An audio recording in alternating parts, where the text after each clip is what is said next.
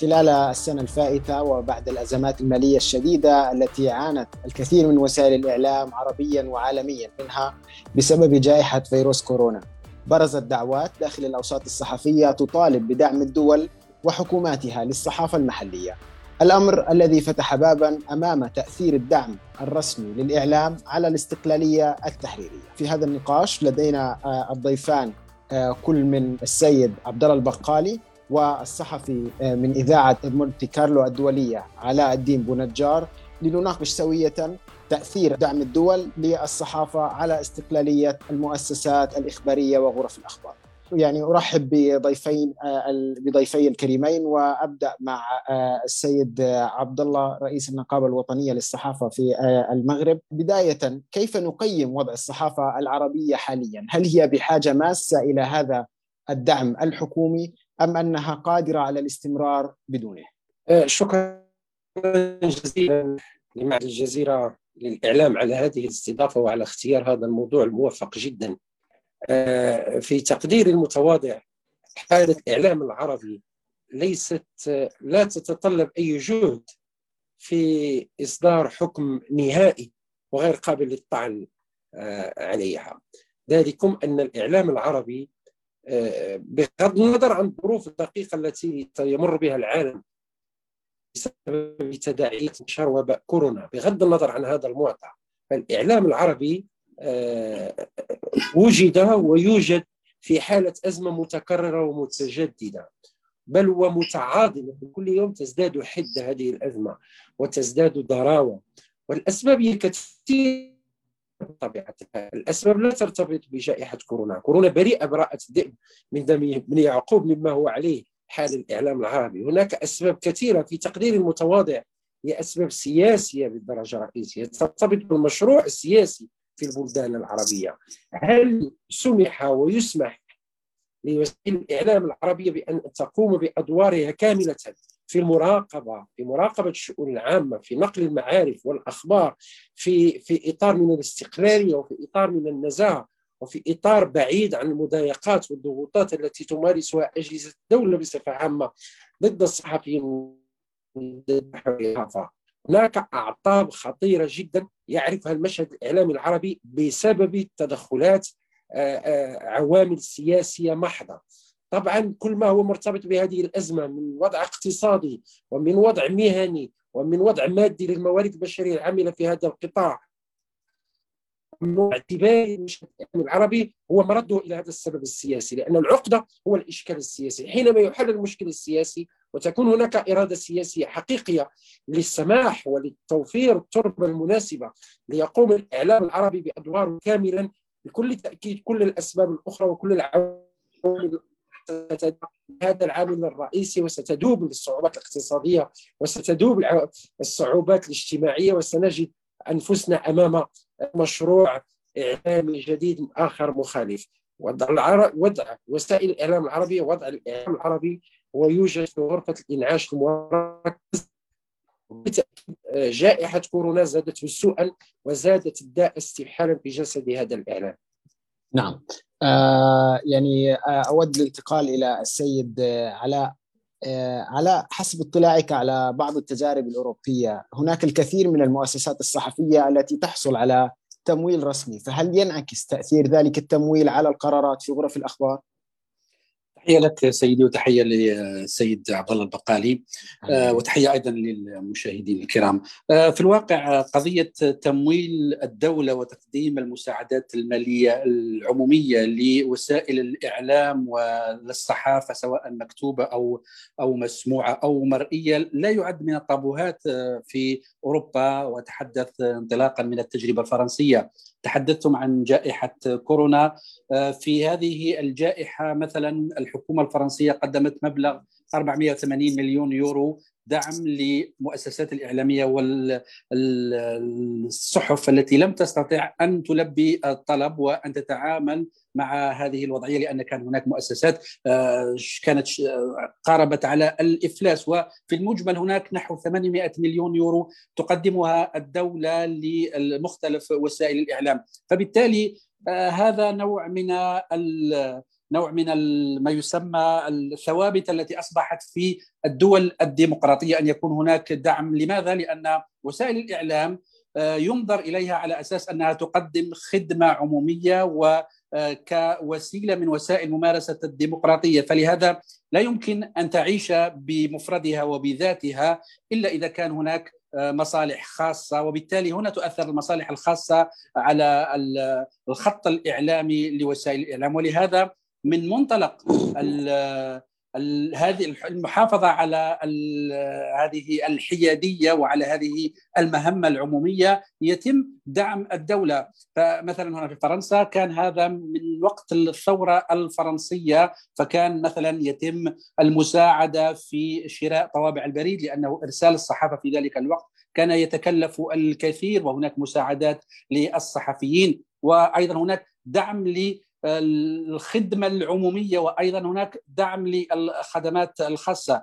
الخدمة العمومية مثلا هنا في فرنسا الدعم الذي يقدم يقدم لوسائل الإعلام العام العمومية يقدر بنحو 4 مليارات آه، يورو وهو رقم آه، ضخم حتى آه، تقدم القناة الفرنسية الثانية نشرة الأخبار حتى تقوم بروبورتاجات تهتم بالصحة بالتربية بأشياء موجود في المجتمع. أما إذا تركت كل شيء للإعلام الخاص فالإعلام الخاص في الواقع سيتوجه إلى آه، أجنداته السياسية وإلى خلفية من يملك ومن يدفع الأموال فلهذا قضية تمويل الدولة لوسائل الإعلام طرحت نعم. وتطرح في الآونة الأخيرة آه، هناك أيضا مصالح خاصة مرتبطة بمصالح الدولة آه، في فرنسا كل تقريبا 90% من وسائل الإعلام هي في يد عشر عشرة شخصيات من الأثرياء في العالم. لديك الشخص الذي يعمل في اللوكس وفي الأشياء الفاخرة مثل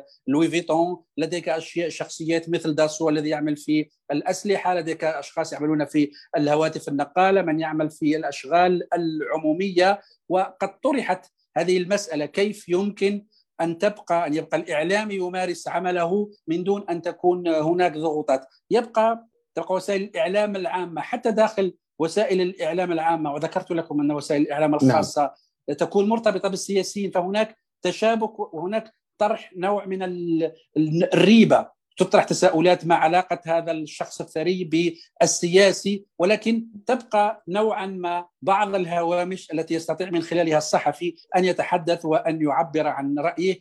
لن تجد صحفيا يقول بأنه يحصل مباشرة على توجيهات وتعليمات لكن هو يعرف الخطوط الحمراء ويعرف أي مجال يمكن يتحدث عنه وأي مجال لا يجب الخوض فيه.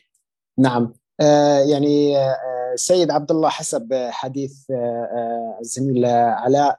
يعني هنالك تمويل آه، يعني لنقول سخي لوسائل الإعلام الأوروبية من قبل دولها وحكوماتها. فما الذي يجعل القلق لدى الصحفي العربي أكبر والتخوف أكبر من هذا التمويل في حال حصل؟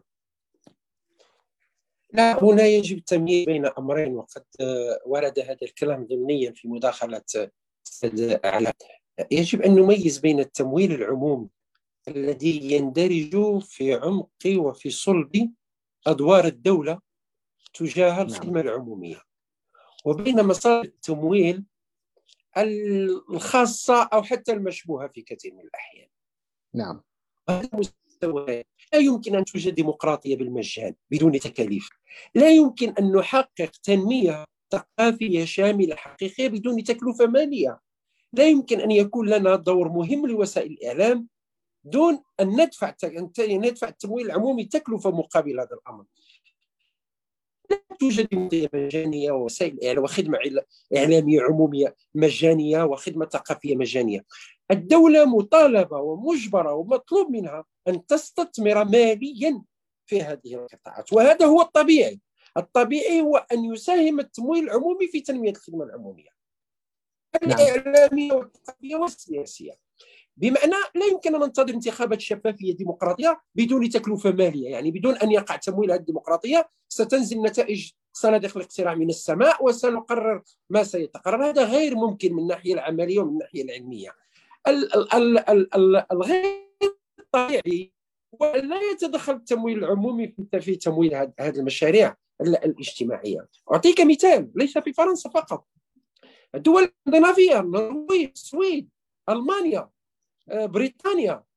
وقع تخصيص مبالغ مالية مهمة جدا لتمويل آه، ماشي لتمويل. لا أقول لتمويل ولكن لمساعدة وسائل الإعلام على اجتياز هذه الظروف الصعبة التي تسببت فيها تداعيات كورونا. أنتم تعلمون خلال جائحة كورونا توقف الطبع في العديد من الدول توقف طبع الصحف في العديد نعم. من الدول وفي بعض الحالات توقف الطبع بقرارات حكومية وبالتالي آه، وقع أيضا آه، وقف شبه نهائي لتحصيل المداخيل الإشهار وبالتالي وسائل الإعلام في مختلف العالم في هذه الظروف كانت في حاجة ملحة إلى كميه من الأكسجين للمساعده على الخروج من غرفة الإنعاش. فلذلك الطبيعي هو أن يقع تمويل الخدمة العمومية كيفما كانت هذه الخدمة العمومية وغير الطبيعي هو أن تنأى الدولة وأن تنأى السلطات العمومية بنفسها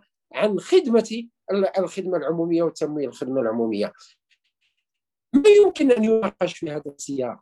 هو وجهين ان ان إن صح التقدير. الوجه الأول هو بعض الأنظمة السياسية المغلقة تستخدم هذا الدعم العمومي لتوجيه وسائل الإعلام وهذا موجود في بعض الحالات في بعض بعض التجارب السياسية المتخلفة المنغلقة ونحن نعرف الدول وهي معروفة. هذه الدول لا تقدم تمويل سواء للإعلام العمومي أو للإعلام الخاص إلا إذا كان هذا الإعلام مواليا ومنفذا للسياسات التي تمليها هذه السلطات. هذا لا يمكن القبول به. هذا تمويل مشبوه قبل به بأي شيء بأي شكل من الأشكال. المستوى الثاني وهو مهم أيضا وأساسي لأن هناك الإعلان العمومي وهناك الإشهار العمومي. بمعنى هل الدولة هل السلطات العمومية في بلد ما تستخدم هذا الإشهار وتستخدم هذا الإعلان العمومي لضغط على الإعلامية. للتوجيه لتوجيه بعض المنابر الإعلامية. هل تعطي هذه الإعلانات وهذه الإشارات بسخاء لمؤسسات إعلامية بعينها دون غيرها؟ هذا سؤال مركزي. لا يمكن وهذا موجود وموجود في الغالبيه الساحقة من الأقطار العربية وموجود في الغالبيه الساحقة من الأقطار الأوروبية. لأن رؤوس هي التي تتدخل كما ورد في في في في مداخلة الأستاذ علاء. هناك مستثمرين خواص استثمارهم الإعلام هم لهم آه، مصالح يقومون بخدمتها. هل السلطات العمومية تستخدم الإعلان والإشهار الذي يعتبر أهم مورد مالي لوسائل الإعلام للضغط عليها لإجبارها على الخضوع لخط تحريري معين؟ هذا أمر آخر يمكن أن يكون مقبولا. لذلك أميز أنا شخصيا بين التمويل العمومي الواجب على الدولة أن تقوم به وعلى الحكومة الحكومات أن تبادر به لأنها تمول وسيله اعلام عموميه أيضا حينما نتحدث عن وسيلة إعلام نحن نتحدث عن مدرسة عن مؤسسة تعليمية عن مؤسسة ثقافية. وسيلة إعلام تقدم خدمة عموميه لا تقل أهمية عن خدمة الخدمة التي يقوم بها بها التعليميه المؤسسه الثقافيه أو الأسرة في المجتمع. لذلك لابد لابد اجبارا أن يساهم الجميع في ضمان استمرار هذه الخدمة. مثلا حينما نلاحظ أن جزء من الإعلانات من الإشهار بما فيه الإشهار وإعلانات مؤسسات اعلاميه مؤسسات إدارية عمومية في العربية ينتقل من من المنابر الإعلامية إلى اللوحات الإشهارية لرجال مستثمرين في الإشهار وينتقل إلى. إلى وسائل التواصل الاجتماعي اللي بالخصوص آه، آه، نلاحظ أننا نحن بصدد التمويل آه، بعد تجاري محض على حساب مؤسسه تقدم خدمه عمومية. فلذلك أعتقد وأخلص إلى القول وأعتذر إن أطلت التمويل العمومي لوسائل الإعلام هذا واجب. هذا يندرج في صلب الديمقراطية. هذا يندرج في صلب تنمية المجتمع. نعم. آه يعني دعني أنتقل إلى آه سيد علاء. يعني بعض المؤسسات الصحفية تخشى أن يقوض هذا الدعم. في حال كان هنالك دعم لمؤسسات محددة أو لمؤسسات إعلام عمومي أن يقوض المنافسة الحرة بين بقية المؤسسات فهل تعتقد أن هذه المخاوف مبررة ضمن الواقع العربي؟ ضمن الواقع العربي يعني من الصعب أن نتحدث عن هذا المعطى وأن نحدد بصراحة كيف يمكن ل مثل ما ذكر السيد البقالي يعني الأنظمة العربية التجربة الإعلامية فيها هي عرفت العديد من الانتكاسات وعرفت أيضا العديد من الفترات الذهبية. إذا قارنا المملكة المغربية وقارنا الجزائر مثلا أعطيك مثل الجزائر في فترة من الفترات عندما كان الانفتاح السياسي آه، ما بين 1989 حتى اغتيال الرئيس الجزائري على المباشر في عام 92 كانت هناك حرية صحافة يعني مطلقة كان هناك تعدد في وسائل الإعلام كان ما يسمى الصحافة العلمانية التقدمية اليسارية الصحافة الإسلامية الصحافة صحافة الدولة وحتى الصحافة التي آه، تنتقد. وكان هذا إنجاز كبير بالنسبة لدولة عربية مثل الجزائر. لكن بعد هذا كان هناك تراجع كبير في آه، حرية الإعلام وفي عمل الإعلام. وبالتالي المؤسسات آه، الإشهار وحقوق الإشهار وأموال الإشهار استعملت كسيف آه، على رقاب المؤسسات الصحفية وبالتالي على رقاب الصحفيين. فلهذا هناك دائما نوع من العمل في ظروف الأنظمة التي لا تمارس الديمقراطية لأنه في في ظل هذه الممارسات تصبح ممارسة الإعلام وكأنها آه، شيء ثانوي عندما تتدهور كرامة الإنسان وتصبح هناك آه، أشياء أخرى داخل المجتمع. لهذا آه، ونجد أن هذه الأسئلة حتى أنها تطرح في أنظمة ديمقراطية. في فرنسا مثلا هناك ناس تخرج للتظاهر مؤخرا عندما كان هناك حديث عن قانون الأمن الشامل. هناك كانت هناك بعض الفقرات مثلا كانت تقوض عمل الصحفيين علما أننا في مجتمع ديمقراطي نظريا وتمارس فيه الديمقراطية وهناك تعددية ويمكن أن تتحدث بكل حرية عن وتنتقد الحكومة الفرنسية وسياساتها. لكن بالرغم من هذا نجد أن هناك جمعيات حقوقية ومحامين ونقابات أيضا تندد وتقول بأن هناك تراجع وهناك زحف رويدا رويدا بأن يكون هناك نوع من محاوله للالتفاف على عمل الصحفيين لأن عمل الصحفيين آه، أطاح برؤساء دول أطاح برؤساء حكومات بوزراء آه، لهذا رشحت آه، الآن التجارب الإعلام الرقمي والتجارب البديلة نجد أن موقع إعلامي مثل ميديا بارت الذي يملكه الصحفيون ويقوم بنوع من التمويل التساهمي يقدم خدمة إعلامية قد تكون هي النهج الذي يريد أي طالب للإعلام أن ينتهجه حاليا حتى صحيفة نعم. مثل صحيفة لوموند لديها بعض الهوامش التي لا يمكن أن تتحدث عنها علما على أساس أنها تم شرائها من آه، أشخاص يملكون مستثمرون خواص. ولو انها شركة ذات أسهم وهناك صحفيون يملكون 40% من الصحيفه من الصحيفة لكن لوموند فيها نوع من عدم تجنب التطرق لبعض المواضيع. لهذا عندما يطرح السؤال على في في الدول العربية قد يبدو وكأننا في نتحدث عن عالم آخر ونوع من الخيال العلمي لأن التجربة تبدو بعيدة وصعبة. ولهذا يعني أنه عندما نرى نحن نعمل في في مؤسسات أوروبية وفي أنظمة أوروبية ومر مرة مره على مرة نتذمر ونشتكي أن هناك نوع من التضايق ونوع من الإحراج. فما بالك عندما تشتغل في نظام عندما تكون مراقبة يكون هاتفك مراقب أو تكون آه، حتى نعم.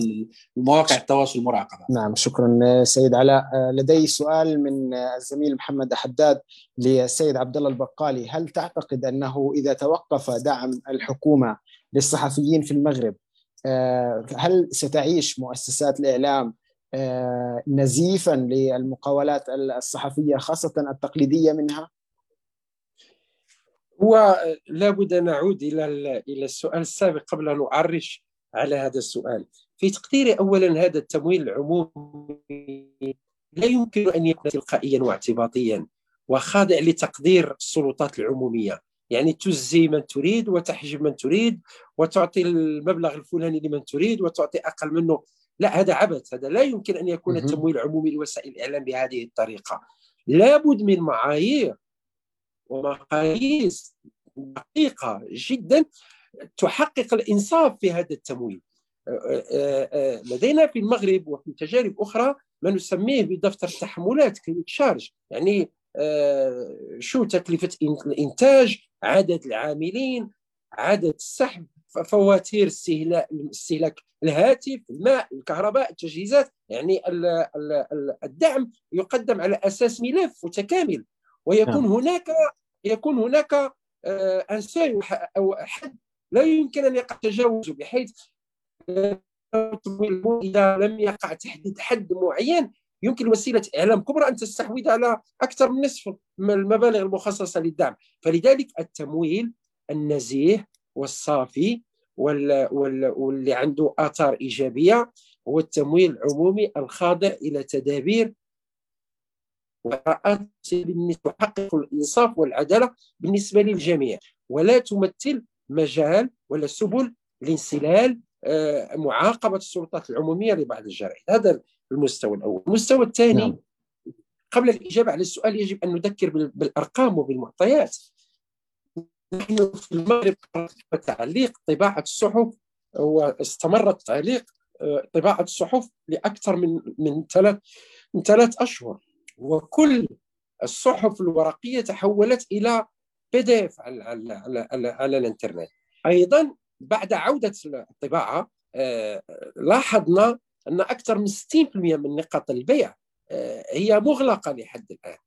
لأن المواطن لأن الشخص لأن الفرد لا زال يعتقد أن الجريدة هي حامل لفيروس كورونا.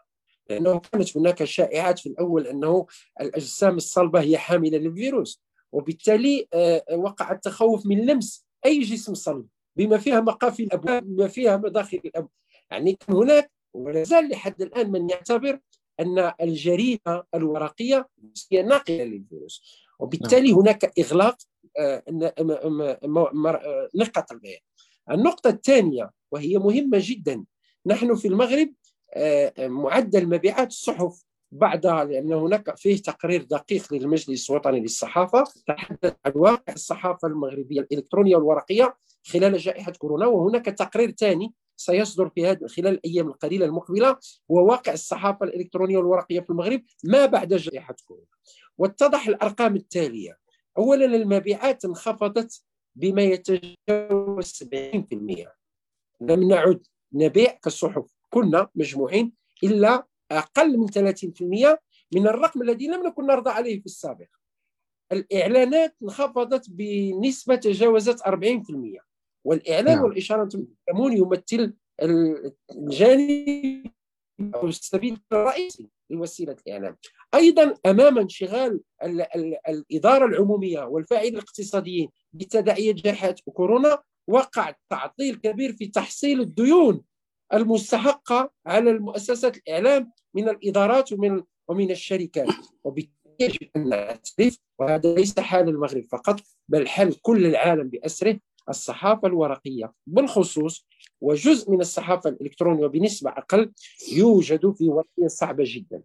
لذلك في المغرب وقع تخصيص 20 آه، مليون أورو في الأول للتمويل لإسعاف الصحف. لإخراج وسائل الصحف الورقية والإلكترونية.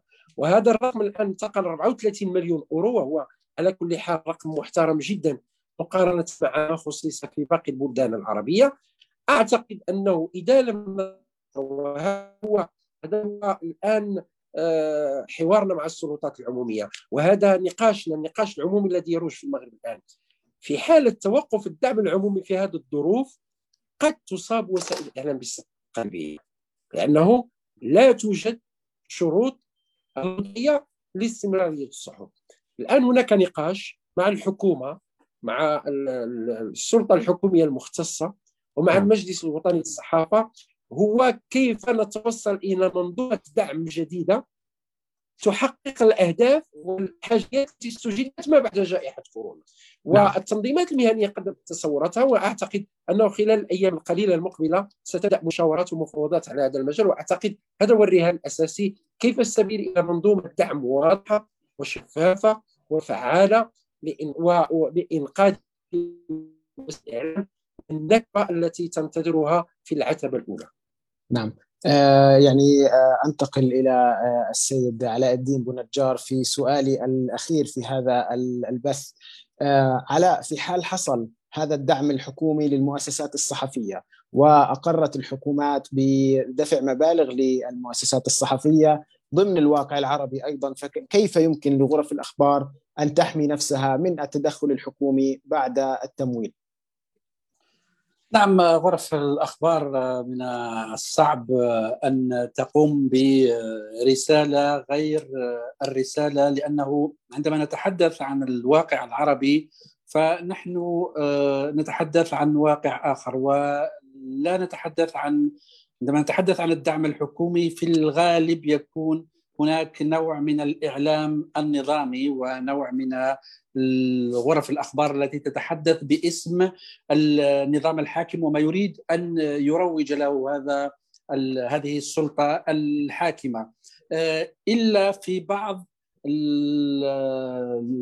الفوارق في دول عندما نتحدث مثلا عن التجربة الإعلامية في تونس في موريتانيا ربما في لبنان في هذه الدول قد تكون هناك نوع من الانفتاح هناك نوع من الممارسة الإعلامية والصحفية التي تمت في هذه البلدان وبالتالي يكون التعامل غير وبالتالي حتى هنا في هذه الحالة ستخضع غرف الأخبار للخط السياسي للخط الحزبي وحتى الخط الطائفي. لهذا من الصعب التنصل من مراقبة الحكومة حتى ولو نظريا لن يكون هناك أي تعليمات تأتي ولكن سيكون هناك مسؤولون على غرف الأخبار سيتم تقديم تعليمات للصحفيين وكما نعرف الصحفي في هذه الدول هو محتاج أن يعيش في في النهاية فيرضخ لأمر الأمر الواقع. ويقدم الخدمة التي يريدها فلهذا حتى هذا على على المستوى العربي. لكن على سبيل المثال هنالك انتخابات فرنسية على الأبواب. كيف تتعامل المؤسسات المدعومة من الدولة في فرنسا مع هذه مع هذا النوع من الانتخابات؟ هل هنالك أيضا استقلالية أم أنها لها حساباتها المتعلقة بمن سينجح ومن سيخسر؟ هذا سؤال ممتاز. بالنسبة للانتخابات الفرنسية التي على الأبواب سواء انتخابات محلية وانتخابات خصوصا الرئاسية في الآونة الأخيرة الحكومة الفرنسية الدولة الفرنسية لاحظت بأن القنوات الخاصة مثل بي اف ام وسي نيوز سحبت البساط نوعا ما من وسائل الإعلام العمومية. في السابق عندما كانت هناك انتخابات مثلا المناظرة الرئاسية كانت تتم على القناة العمومية على أساس أن الدولة كانت تريد أن تروج لأن الدولة تقدم دعم لوسائل الإعلام، وسائل الإعلام الحكومية أيضا لديها مهمتها فيتم الأمر مناصفة بين القناة الثانية العمومية والقناة الأولى التي هي قناة خاصة لأن القناة الخاصة لديها أيضا ناخبون وأشخاص معينون يصوتون لتلك القناة. الآن في الآونة الأخيرة القنوات الخاصة قنوات الساندويتش إن صح التعبير سحبت البيطان من الم...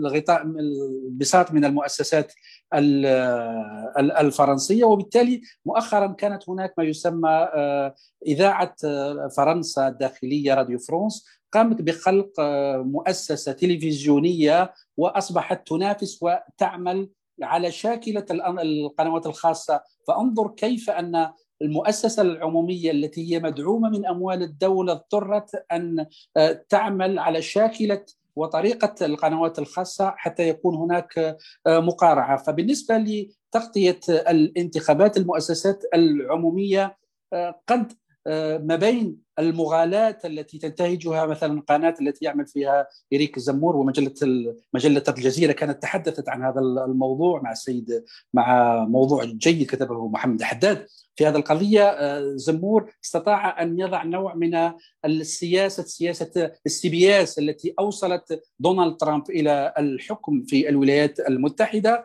تقابلها قناة بي إف إم التي تخضع لمصالح خاصة وبالتالي الصحفيون العاملون في هذه القنوات سيقومون بتغطية متوازنة ولكن نراها بأنها تنحرف نوعا ما إلى التغطية على والترويج لأخبار اليمين، نجد مثلا بعض الصحافة صحيفة ليبراسيون أو صحيفة لومون تحاول أن تكون وسطية ولكن بعض الصحافة آه، تقوم بترويج للجانب الأحزاب اليسارية أحزاب أقصى اليسار مثل ميلونشون على أساس أن هناك نوع من التنافس. وبالتالي الإعلام العمومي هنا يبرز دوره من المفترض. عمليا لا يجب نعم. عليه أن ينحاز إلى هذا الطرف أو ذاك. ولهذا حريه الصحفيين لديهم كبيرة في انتقاد ماكرون في الحديث عن اليمين المتطرف وأيضا الحديث عن اليساريين بطريقة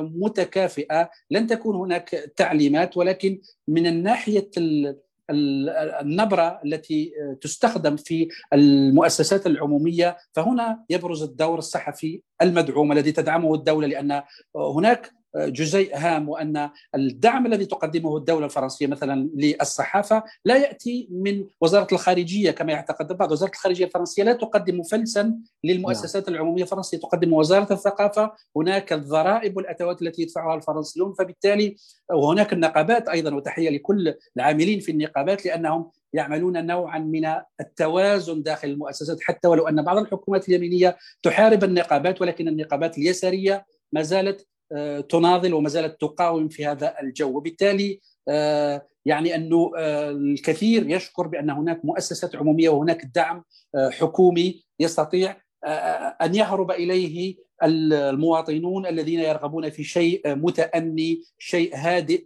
حتى يفهمون منه يفهمون خلفيات السياسة بدل الدخول في المزايدات وما يسمى الآن أصبح موضة البوز نعم آه، شكرا لك سيد علاء وشكرا للمشاهدين. كنتم معنا في هذا البث المباشر من مجلة الصحافة والذي ناقشنا فيه تأثير دعم الدولة للصحافة على استقلاليات المؤسسات الصحفية وغرف الأخبار. كان معي في هذا البث كل من رئيس آه، النقابة الوطنية للصحافة في المغرب عبد الله البقالي. شكرا لك.